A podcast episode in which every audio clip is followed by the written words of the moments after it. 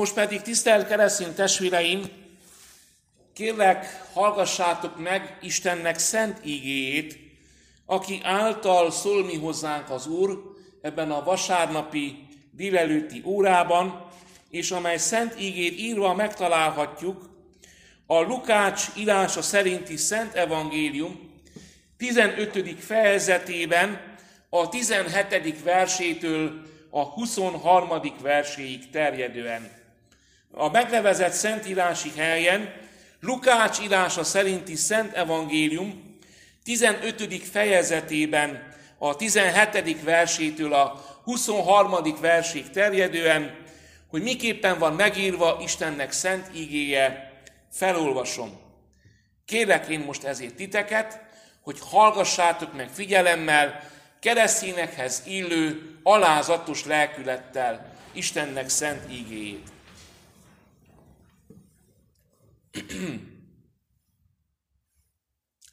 Ekkor magába szállt, és ezt mondta, az én apámnak hány bérese bővelkedik kenyérben, én pedig itt éhen halok. Útra kelek, elmegyek apámhoz, és azt mondom neki, Atyám, védkeztem az ég ellen, és te ellened. Nem vagyok többé méltó arra, hogy fiadnak nevezzenek, tégy engem olyanná, mint béreseid közül egy. És útra kelve el is ment az apjához. Még távol volt, amikor az apja meglátta őt, megszánta, elébe futott, nyakába borult, és megcsókolta őt. A fiú ekkor így szólt hozzám, Atyám, védkeztem az ég ellen, és te ellened, és nem vagyok méltó arra, hogy fiadnak nevezzenek. Az apa viszont ezt mondta szolgáinak, hozzátok ki hamar a legszebb ruhát, és adjátok rá, húzzatok gyűrűt a kezére, és sarut a lábára. Azután hozzátok a hizott borjút, és vágjátok le.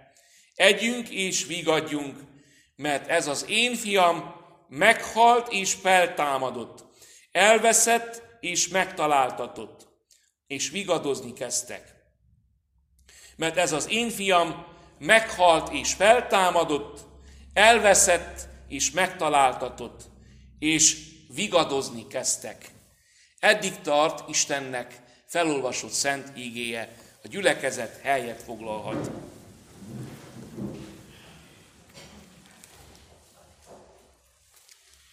Kedves testvéreim, szeretettel köszöntelek benneteket, és megkülönböztetett szeretettel köszöntöm mindazon testvéreinket is, akik esetleg megemlékezés alkalmával vannak itt közöttünk. Isten hozta önöket, bárkit ebbe a közösségbe, Isten hozta önöket a mi templomunkban. Krisztusban megújult, visszaállított élet. Ezt a sorozatot kezdtük el néhány héttel ezelőtt. Igaz, hogy úgy hozta a helyzet, hogy voltak megszakítások, hiszen uh, volt a konferencia, a Bónuszpásztor Alapítvány konferenciája október közepén, volt a konfirmáció az elmúlt vasárnap, és úgy hozta ezért a helyzet, hogy két hetente tudtam folytatni, minden második héten tudtam folytatni ezt a sorozatot, és majd hirdetni is fogom, ez következő vasárnap újra kimarad, mert sajnos nem leszek itthon, de a Isten éltett a kegyelméből majd ugyanígy folytatjuk tovább ezt a sorozatot. Krisztusban megújult, visszaállított élet, és látjuk azt, láthattuk azt az elmúlt hetekben, hogy a helyreállítás, a megújulás az azt jelenti, ezt képekben is kifejeztem, hogy a visszintes, az Istent nélkülöző, kihagyó életmódból, életstílusról átváltok egy olyan életstílusra, amelyben Isten is benne van. Istenre alapozó életre térek át. Az embernek a dolgairól, amelyek mindig csak önmagával, az egoista életével eltékozolt életével van dolga, az ilyen életstílusról áttérünk az Isten szerinti életmódra. Kedves testvéreim, akik voltatok két héttel ezelőtt, emlékeztettek, hogy hol, ö, emlékeztek, hogy hol hagytuk abba? Azt mondottam két hete, e köré építettem fel az ige hirdetésemet, hogy nagyon-nagyon fontos a hit. A legelső dolog ebben az egész ö, dologban a, a hit. Egy ember, aki szeretné helyreállítani az ő életét, annak hinnie kell azt, hogy neki valóban szüksége van a helyreállításra, vagyis hogy elismerje azt, hogy valami nincs rendben az ő életével. Bármilyen életterületről is lenne szó. Amikor úgy érzem azt, hogy nem vagyok rendben, amikor érzem azt, hogy beteg vagyok, akkor elmegyek ugye az orvoshoz. És beismerem azt, hogy beteg vagyok. Beismerem azt, hogy külső tanácsadásra van szükségem.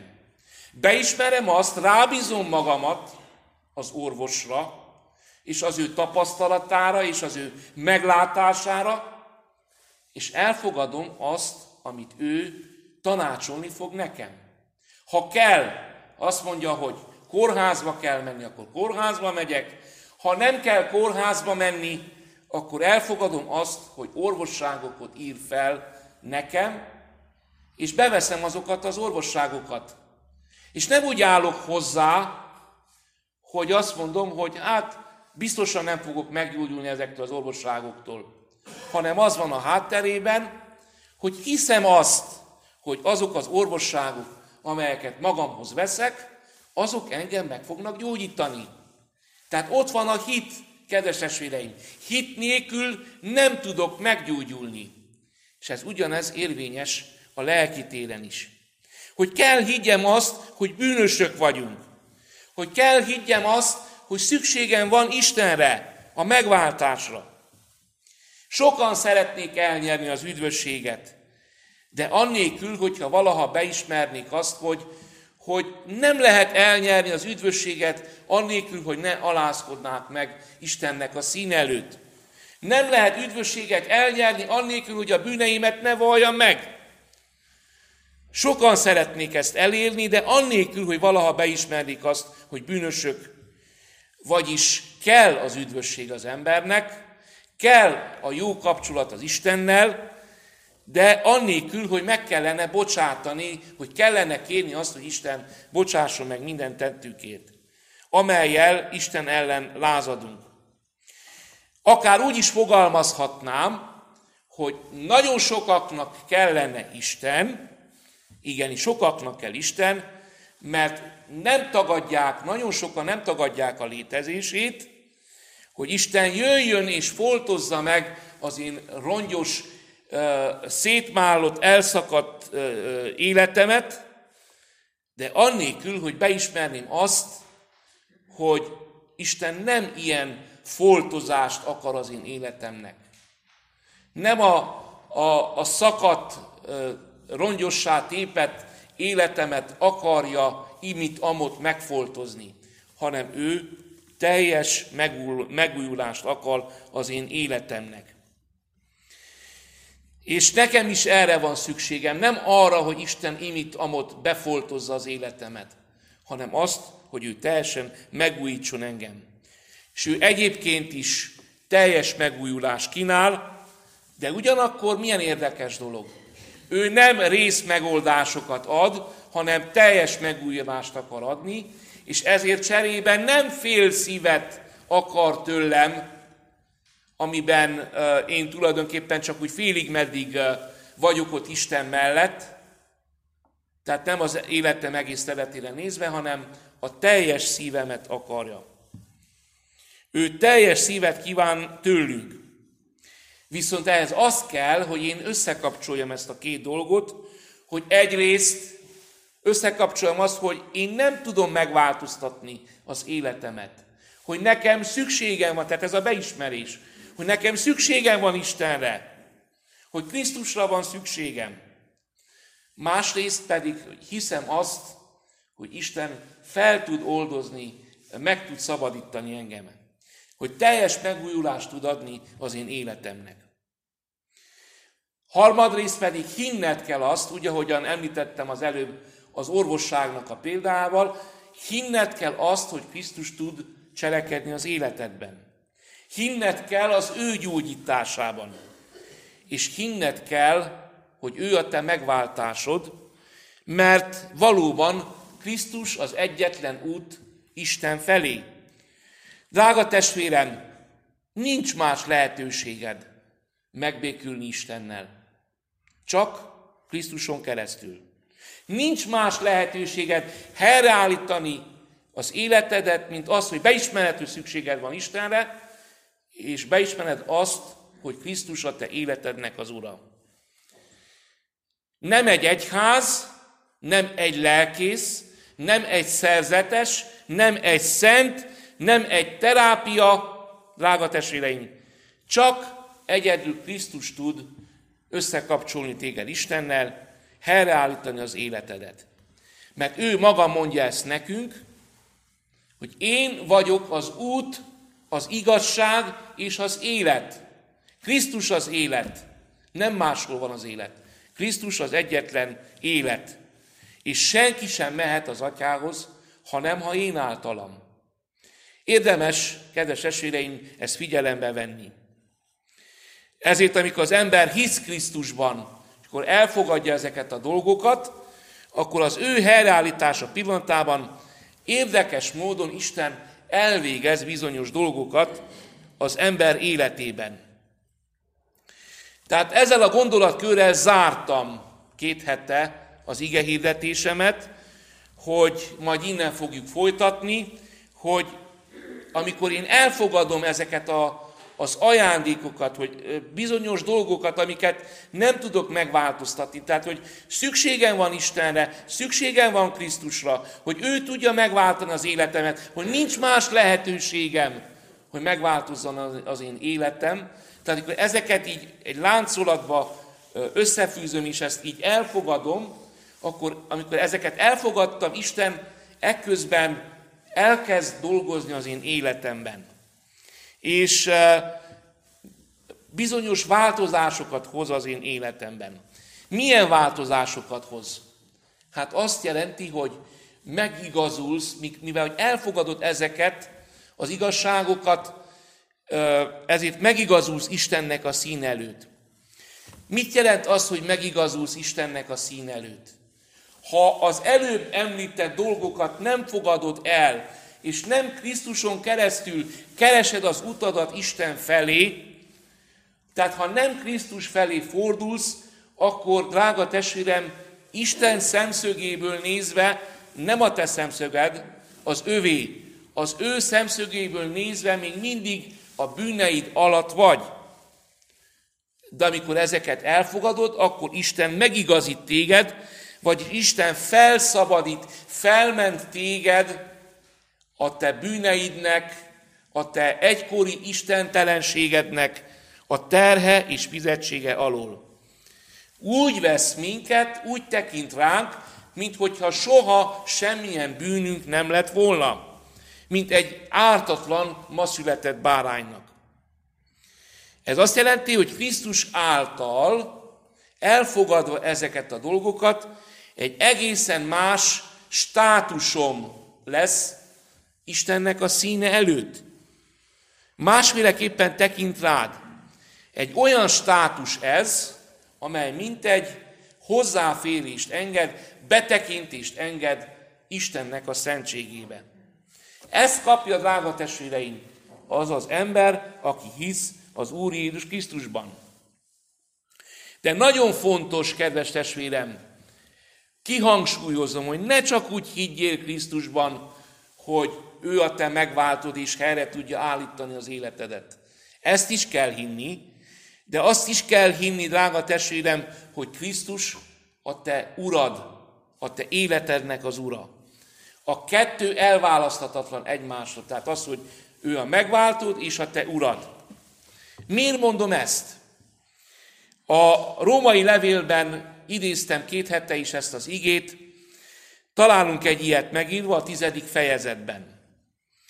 Ott azt olvassuk, ha tehát száddal az Úrnak vallod Jézust, és szíveddel, szá, száj és szív, ha száddal Úrnak vallod Jézust, és szíveddel hiszed azt, hogy Isten feltámasztotta őt a halálból, száj és szív, ha ez a kettő megvan, akkor üdvözülsz. Ez azért fontos, mert nem csak a Krisztusban való hitről van szó, hanem az én életemnek az átadatásáról is. Nem csak arról van szó, hogy mondjam így, hogy ebben a jelen pillanatban, hogy Isten elfedezi, eltörli az én azelőtt való bűneimet, és ebben a pillanatban megigazult és megtisztult vagyok Isten színe, színe előtt, hanem a jövőről is szól, amelyben Krisztus már az én életemnek az ura. Vagyis az ő szolgája lesz, leszel. Azaz már nem úgy élsz, ahogyan te akarsz, hanem úgy, ahogyan ő akarja. És látjátok, drága testvéreim, itt van a Bibi. Az előbb említettem, ugyanis az a probléma, hogy sokaknak kellene Isten, sokaknak kellene az üdvözülés, de annélkül, hogy megvallják bűneiket. Tehát nem akarják megtisztítani az életüknek a, az, az előtt való időszakát, amit csak Krisztuson keresztül lehetséges, és nem is akarják elfogadni a másik felében Krisztust életük urának. Mert nem csak a benne való hitről van szó, hogy ő meg tudja, helyre tudja hozni az életemet, hanem itt odaadásról van szó. Ő venné át a kontrollt, nem, nem csak te. És ez teljesen logikus, kedves testvéreim, mert mit ér, most értsétek jól a hasonlatot, mit ér az én életem, hogyha Isten megbocsátotta Krisztuson keresztül minden bűnömet, de én nem kapcsolódok utána tovább, és mondjam így, a sátán továbbra is be fogja szennyezni az én életemet. Mit ér ez az egész? Teljesen logikus dolog, hogy Isten azt követeli tőlünk, mondtam, hogy nem részt megoldásokat akar nyújtani, hanem a múltat is rendbe akarja tenni, és azt akarja, hogy a jövő is vele legyen. Mert ez a logikus dolog, kedves esélyünk, ennélkül nem lehet helyreállításról beszélni. És ezt valljuk be, őszintén, egyeseknek ez nagyon nehéz. Hát honnan lehet felismerni, kedves testvéreim, hogy valaki életének Ura Krisztus? Az ő tetteiről. Mert az az ember, akinek Krisztus az ő Ura, annak meglátszik az életén, kedves testvéreim. Annak látszik, mert elkezd élni egészen másképpen, mint addig, ameddig élt addig. Miért?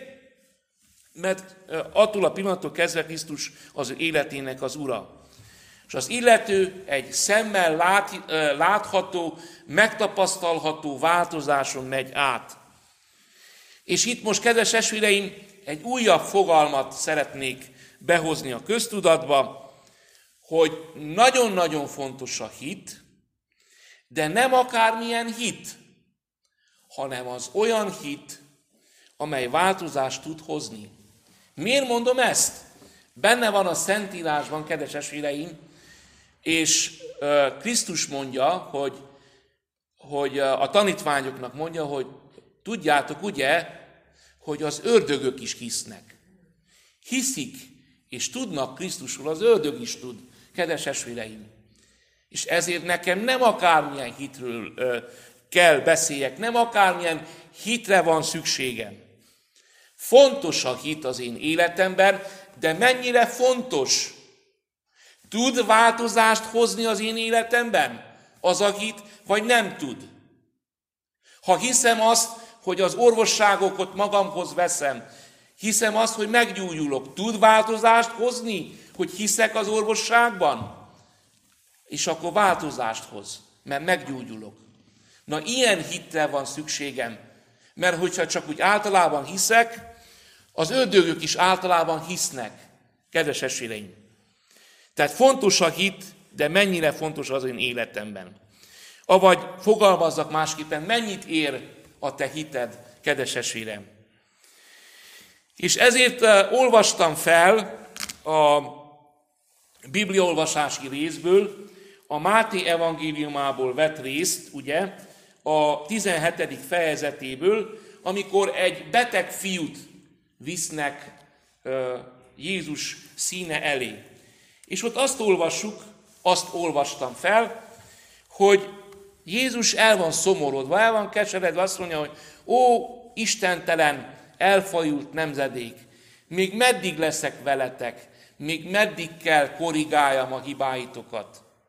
Ugyanis az történt, hogy bár ő ott volt velük, mégis a tanítványokhoz vitték ezt a beteg fiút, és a tanítványok nem tudták meggyógyítani. Miért? Mert azt mondja Jézus nekik, ha annyi hitetek lenne, kedves esélyem, bizonyára ti is vásároltatok az üzletben olyan mustárt, én nagyon szeretem, amelyben a magok benne vannak. Látjátok, mekkora a mustár mag, ugye? Azt hiszem, nincs több, mint két milliméter, de lehet, hogy túlzok. Azt mondja Jézus ezeknek, ha annyi hitetek volna, mint egy mustármag, annyi, egy picike hitetek lenne, akkor ha azt mondanád ennek a hegynek, hogy menj innen oda, akkor az oda menne. De mivel, hogy nincs meg bennetek ez a hit, ezért nem is tudtok gyógyítani, és hegyeket sem tudtok elmozdítani. Mert ezért fontos tulajdonképpen a hit, hogy nem akármilyen hit kell nekem, hanem az, amelyik tud változtatást hozni. Az, amelyik mustármagni hit, de amelyik hegyeket tud megmozdítani.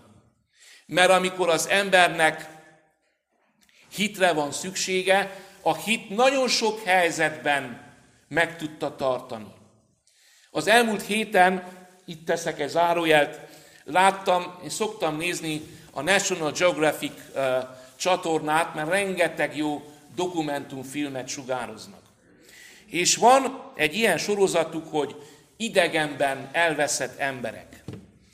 És elmondja, hogy a, az 1970-es években az egyik amerikai veterán hogy maradt meg tulajdonképpen, amikor a, vietnámiaknak a kezéből háromszor próbált uh, uh, szabadulni, mert egy ilyen ketrecben tartották, és uh, izom sorvadást szenvedett el, és mit jelentett számára az a hit, amely, amely ott volt az ő életében, és még a börtönben is, a Hanoi börtönben, amikor csak a falon tudtak kopogni a másik társával, mit jelentett az, hogy három és fél év után újra beszélgethetett egy amerikaival, mert kopogáson keresztül kikövetkeztették azt, megtudták egymásnak a nevét, hogy ki van a szomszédos cellában.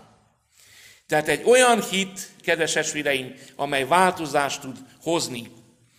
És ezért olvastam fel előttetek ezt a, ezt a történetet, mert Jézus azt mondja az ő tanítványának, hogy egy mustármagnyi hitetek sincs, ami változást tudna hozni. Nos, kedves testvéreim, neked milyen hited van? Van olyan hited, amelyik változást tudna hozni a te életedben, vagy csak általános hited van? Mert ez nagyon fontos az én életemre nézve, ez a kérdés.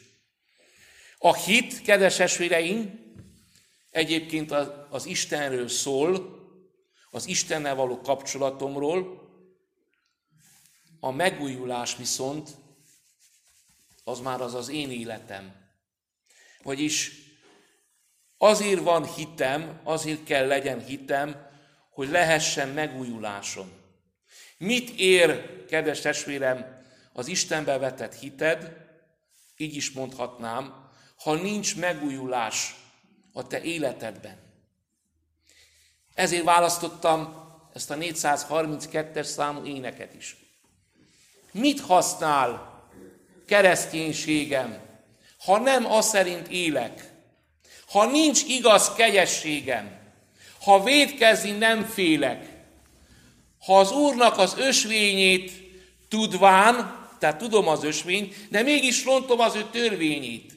És azt, aki meghalt érettem, Jézus Krisztus, csak a szám áldjas, az életem nem. Mit érek ezzel, kedves esélyeim? Mit érek az általános hittel? Mit érek egy olyan hittel, amelyik nem hoz változást, amely által Krisztus meg tudná jobbítani a te életedet? Mert ha te hitáltal Isten felé fordulsz, Jézus Krisztus áldozata által lenne, lehet gyümölcse a te hitednek. És a megtérés által pedig hátat fordítunk a bűnnek, ugyancsak Krisztusnak a szabadító áldozata által. Azaz, már nem a bűnnek élek, hanem Istennek élek. Az Isten, hogy kezdtem az ige hirdetésemet? Az Isten kizáró élet módomból az Istent befogadó életstílusra térek át. Nem a saját természetemre, hanem Istenre hallgatok. Miért? Mert ő kell legyen, ők legyen az én életemnek az Ura. És kedves esvéreim, mit jelent konkrétan a megtérés? Lássátok meg ezt a három lépést, ezt szántam a mai igehirdetésnek a végére, ez az utolsó nagy gondolatkör. Mit jelent a megtérés? Három konkrét lépése van. Vegyük sorra őket. És fogni, fogjuk látni a végén, azért olvastam fel a tékozló fiú példázatának a végét, erről nem prédikáltam a, az elmúlt héten, a reformáció nagyhetén, mert ez kimaradt, de látni fogjuk konkrétan, hogy ez hogyan jelenik meg gyakorlatban. Tehát három lépése van, kedves esvéreim, a megtérésnek. Az első lépés, ha ezeket megjegyezzük, akkor fogjuk tudni, hogy hogy áll a helyzet. Az első lépés, hogy intellektuálisan, értelmi szinten felfogom végre azt, hogy Isten nélkül elpusztítom az életem. Isten nélkül a pusztulásnak az útján vagyok, hogy a bűn el tudja pusztítani az én életemet. Beismerem azt, hogy Isten nélküli életstílusomban úgy, ahogyan éltem addig, az nincs az én hasznomra. Hogy elpusztítom mind magamat, a testemet, a lelkemet, a szerveimet, tönkreteszem magam, tönkreteszem a másokkal való kapcsolataimat, és tönkreteszem, ez az Isten nélküli állapot, tönkreteszem az Istennel való kapcsolatomat is. Így néz ki az istentelen állapot, kedves esvéreim. Tehát az első lépés az, hogy intellektuális, értelmi szinten felfogom azt, ezt jegyezzük meg, hogy a bűn az elpusztít engem. Biztosan el fog pusztítani. A második lépés egy érzelmi beleegyezés, amely megbánásnak nyilvánul, megbánásban nyilvánul meg, az én kártevő életstílusommal és bűneimmel szemben. Rájövök arra, hogy megbántottam Istent, hogy tönkretettem magamat, a, a testemet és a lelkemet is, tönkretettem a magammal, a másokkal, a családommal való kapcsolataimat is, és tehát ez a, az ézelmi beleegyezés, hogy törődött szívvel, ez a bűnbánat, Törődő szívvel bánom az én életemben még mindig esetleg jelenlevő kártékony bűnnek a jelenlétét. És a harmadik lépés, határozatot hozok, ez egy életszintű változtatás, hogy abba hagyom azt, ami tudom, hogy tönkretesz engem. Abba hagyom a bűnnek a cselekvését, hogy Istenre fogok hallgatni. Eddig a bűnnek a hatalma, a sátán hatalma alatt éltem, tudattalanul talán, vagy tudatosan, magamat tönkretéve, a kapcsolataimat tönkretéve, az Istennel való kapcsolatomat elrontva, és ezentúl pedig Krisztus hatalma alatt élek, felhagyva ezzel a destruktív életmóddal. És a legjobb példa erre tehát, amit mondottam, hogy lássátok, a, ne csak elmélet legyen, legjobb példa erre a reformáció nagyhetében prédikált tékozló fiúnak a története, akinek az élete legjobban mutatja meg, biblikus példa, hogyan néz ki, kedves esvéreim, egy élet, amely az atya mellől, a legjobb helyről, dekadenciában oda jut tulajdonképpen, hogy moslékot enne, de már az sincs, mert még azzal sem kínálják meg. És a vájúból a, a disznók mellől kell megennie az, a, az ételt, de még azt sem meri megenni. Hogyan néz ki egy olyan élet, amely a saját bűneinek helytelen és istentelen döntéseinek a következményeit viseli? Az a dekadencia, az az elesés az atya házától, attól a szintül egészen a mosléknak és a vájúnak a szintjéig. Amikor már abból sem kap, bár már a disznóknak a szintjére kellett lesüllyedni.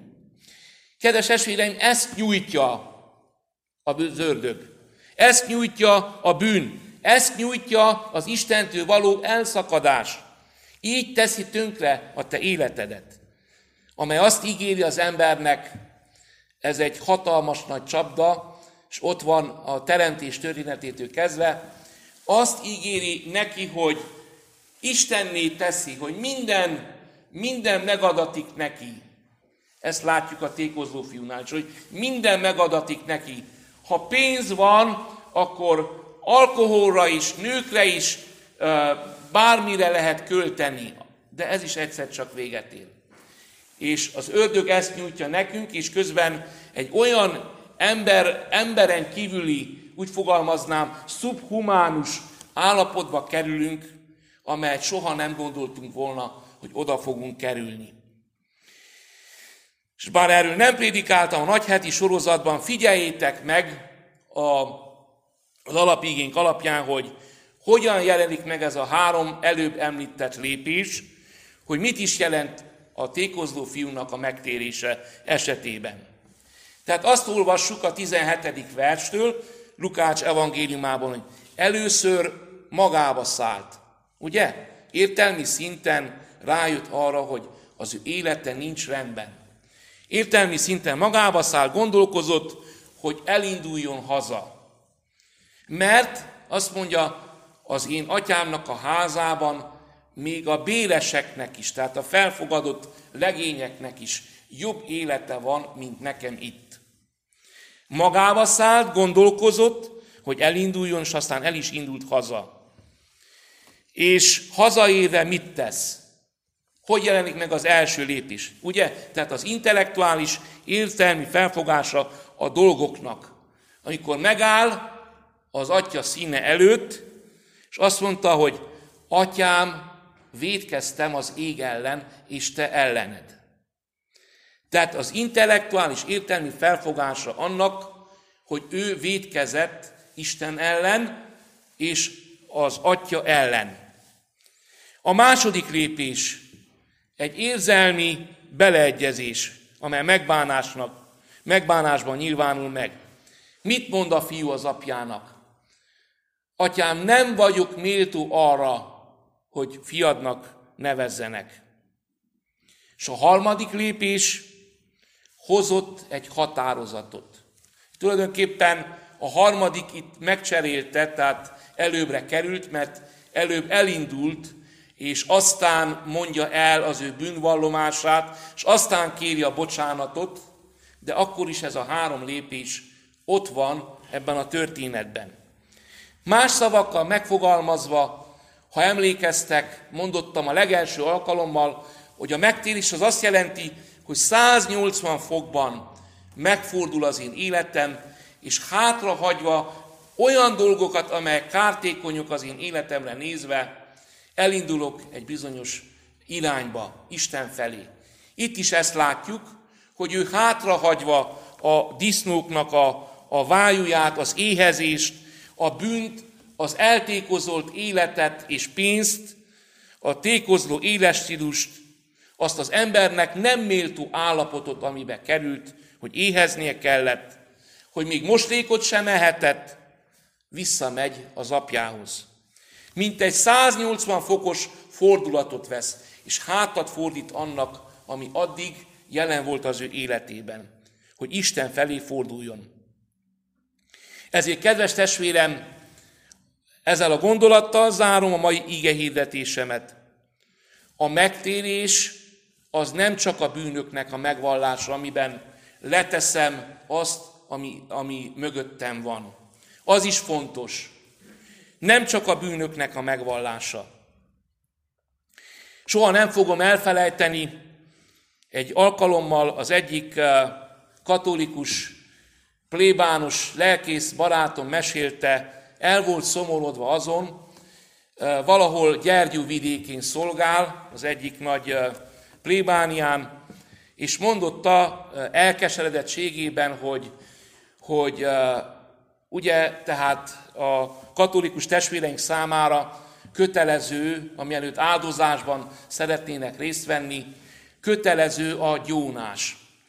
És panaszkodva mondta ez a lelkész kolléga, de egyébként nálunk is jelen van, tehát nem elítélésképpen, mert nálunk is jelen van, másféleképpen, de jelen van ez a, ez a jelenség, hogy nagyon-nagyon sok idős néni iratkozott fel a gyónásra, de utána meggyónták bizonyos bűneiket, hogy egyikről másikról plegykálkodtak, és ugyan, utána ugyanúgy folytatták.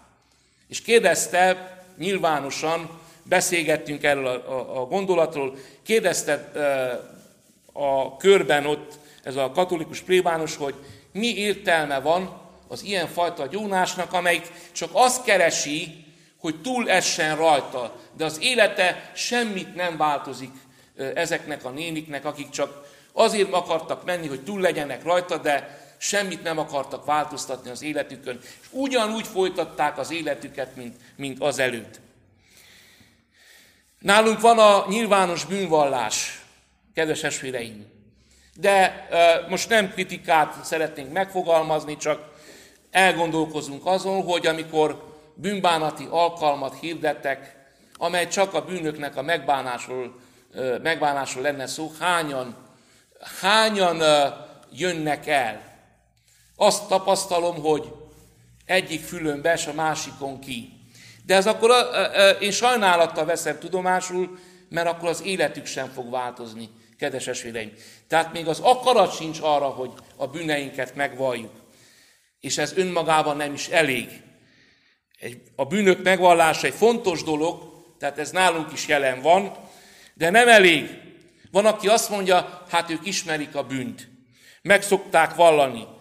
Jönnek és megvallják, de nem változik semmiben az életük. Nem tagadják meg azt a bűnt. Mármint megvallják, de nem tagadják meg, ugyanúgy benne élnek. Nem hagynak fel addigi bűnös életmódjukkal. Már pedig így nem lehet, kedves esvéreim, parasztosan nem lehet egy fenékkel két lovat lovagolni. A megtérés, kedves esvéreim, ugye ti is érzitek, sokkal több ennél. Mert ez teljes életmód változtatás kellene, hogy jelentsen. Meg is vallom bűneimet, de fel is hagyok a bűnös életmódommal. Jézus, amikor meggyújtotta azt a parázna asszonyt, aki aki megérintette őt, és akit meg akartak kövezni, akkor azt mondja neki a legvégén, hogy eredj el, a te bűneid, a múltad eltöröltetett, megbocsátatott. De mondja a jövőt is, de többet ne védkezzél. Nem ér semmit a múltnak az eltörlése, ha az én életem nem jobbul meg, ha az én életem nem kapcsolódik Krisztushoz. A megtérés azt jelenti, kedves esvéreim, ennél több, hogy megállás a bűnökből és újrakezdés. Teljes megújulás, egy új irányba való haladás. Isten akaratának és az ő legjobb szándékának a felfedezése az én életemre nézve. A mindenható Isten azokat, akik elhatározzák ezt a lépést, áldja meg őket, hogy ne csak a bűneiket vallják meg, hanem az életüket is megjobbítsák, és hogy valóban egy őszinte Istennek odaszánt életet élhessenek. Ebben segítsen meg minket a mindenható Isten. Amen.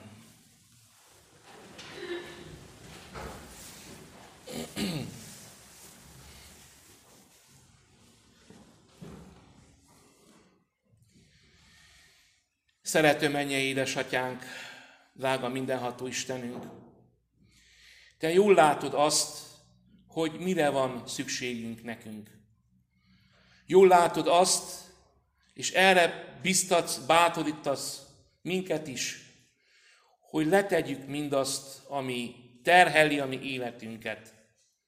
Hogy megszabaduljunk a mi bűneinknek és elrontott életünknek a terheitől Krisztusnak a keresztje alatt, de ne csak megszabaduljunk, hanem belét kapaszkodva, immár a terhektől felszabadulva folytassuk az életünket, és onnan tovább már ne a mi akaratunk, hanem a te szent akaratod szerint éljük az életünket. Drága mindenható Istenünk, kérünk segíts meg minket, hogy ne csak úgy akarjunk tégedet, annélkül, hogy megvalljuk a mi bűneinket. És ne csak úgy akarjunk az üdvösséget, hogy ne akarjuk odaszánni az életünket tenéked. Mi tudjuk azt, hogy te nem fogadsz el, és nem is szereted a felemás alkukat. Te teljes szívet, teljes odaszánást, teljes életet követelsz tőlünk, aminek fejében te teljes megváltást nyújtasz nekünk. Segíts meg minket, mindenható Istenünk, hogy eljussunk, hogy beismerjük azt, hogy nem érünk semmit a felemás megoldásokkal. Nem javul meg az életünk, hogyha meg is valnánk a bűneinket, de mégis megmaradunk a bűnös életmódunkban. Tudom mindenható Istenem, hogy az ilyenfajta megoldás az téged elkeserít. A felemás szívnek nem örvendesz. És hogyha lanymelegek vagyunk, úgy, ahogyan olvassuk a te ígédben, ki is köpsz bennünket. Kérünk mindenható Istenünk, adjál a mi szívünknek teljes odaszánást. Segíts meg minket, hogy valóban őszintén és teljes szívvel a te gyermekeid lehessünk. Mert ebből származik az áldásunk. Ebből származik a békességünk. Ebből származik a teljes szeretet is, és a te megértésed is. Köszönjük a mai igének a tanítását, hogy megérthetjük, hogy mit jelent a megtérés az életünkre nézve. És boldogok azok, akik gyakorolni is tudják ezt. Áldunk és magasztalunk téged életünk mindennapján. Drága mindenható Istenünk, nem utolsó sorban imádkozok most Te hozzád, gyászoló testvéreinkért. Azokért, akik megemlékezés alkalmával itt vannak közöttünk. Akik szeretteiket veszítették el. Mindenható Úrunk, mi mindannyian veszítettünk el már szeretteinkből. Sokan, akik a szívünkhöz közel állnak, már örök álmukat alusszák kin a temetőben, lelkük pedig a te mennyei országodban. Kérünk mindenható Istenünk, emlékezzél meg, Uram, gyászoló hozzátartozókról, a mi testvéreinkről, akik gyászt hordoznak a szívükben, akiknek még pótolhatatlan az az űr, ami keletkezett szeretteik eltávozásával. Mindenható Istenünk, Te legyél az, aki ki tudod és ki is fogod tölteni ezt az ült a szívükben. Uram, Te adjál nekik erőt, hogy tovább tudják folytatni az életüket. Te erősíts meg őket a mindennapokban. Uram, Te legyél életük minden napján velük. Adjál számukra megerősödést, adjál számukra vigasztalást, bátorítást, drága szent ígéd által. Mi tudjuk azt, hogy közel vagy hozzánk, nap mint nap közel állsz hozzánk. És látod, ami törődött, szívünket is, a gyászos szívünket is, amelyik te utánad áhítozik. Kérünk, áld meg, Urunk, az elkövetkező hetünket is. Szent fiadét, az Úr Jézus Krisztusét kérünk, hallgass meg könyörgésünket, áld meg életünket, most ezentúl és örökkön örökké.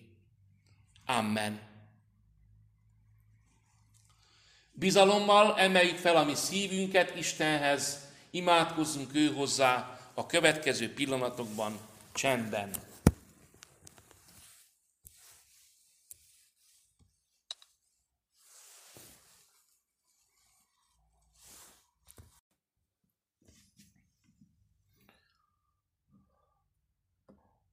Szeretettel köszöntöm a testvéreinket.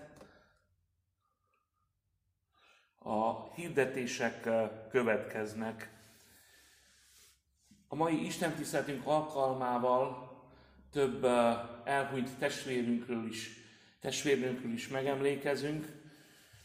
Szeretettel, tisztelettel emlékezünk meg Karácsony Anna testvérnőnkről, akit nemrégiben kísértünk el utolsó útjára, megemlékezik néhai testvérnőnkről családja, akihez alkalommal 200 lehet adományoztak az egyház közösségünk javára, valamint virágot az Úr asztalára.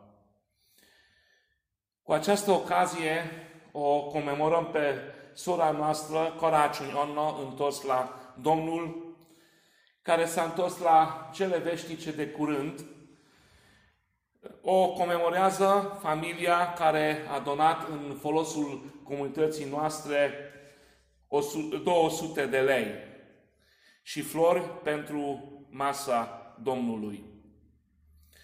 Mulțumim pentru familia îndoliată, Dumnezeu să o binecuvânteze și să dea alinare pentru cei rămași în urmă Mulțumim pentru donácie.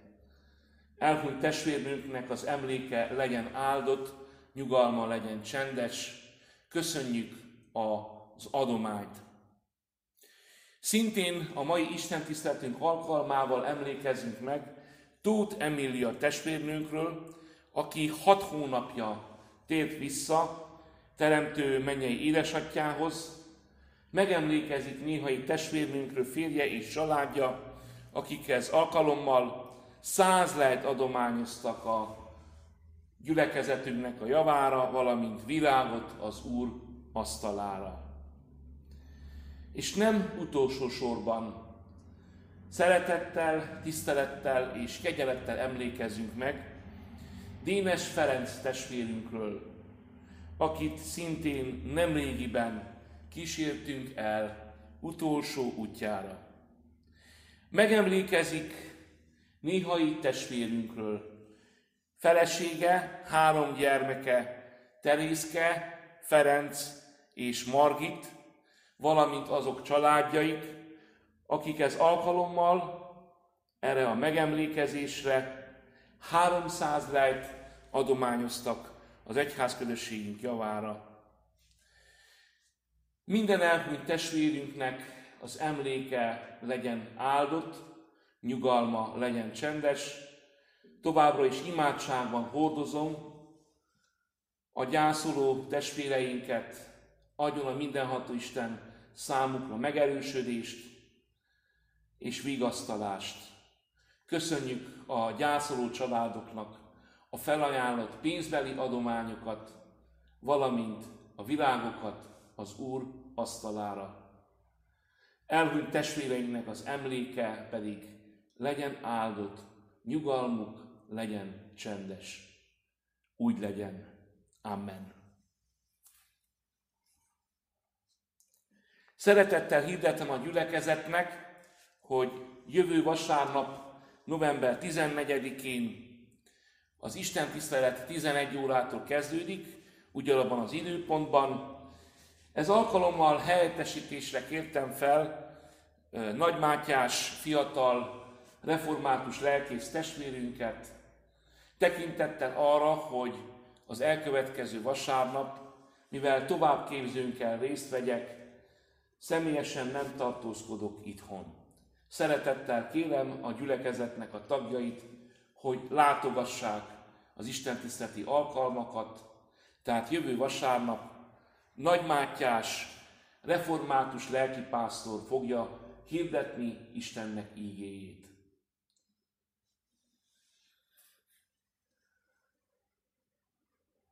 Kedves testvéreim, ezek voltak a hirdetések erre a mai alkalomra.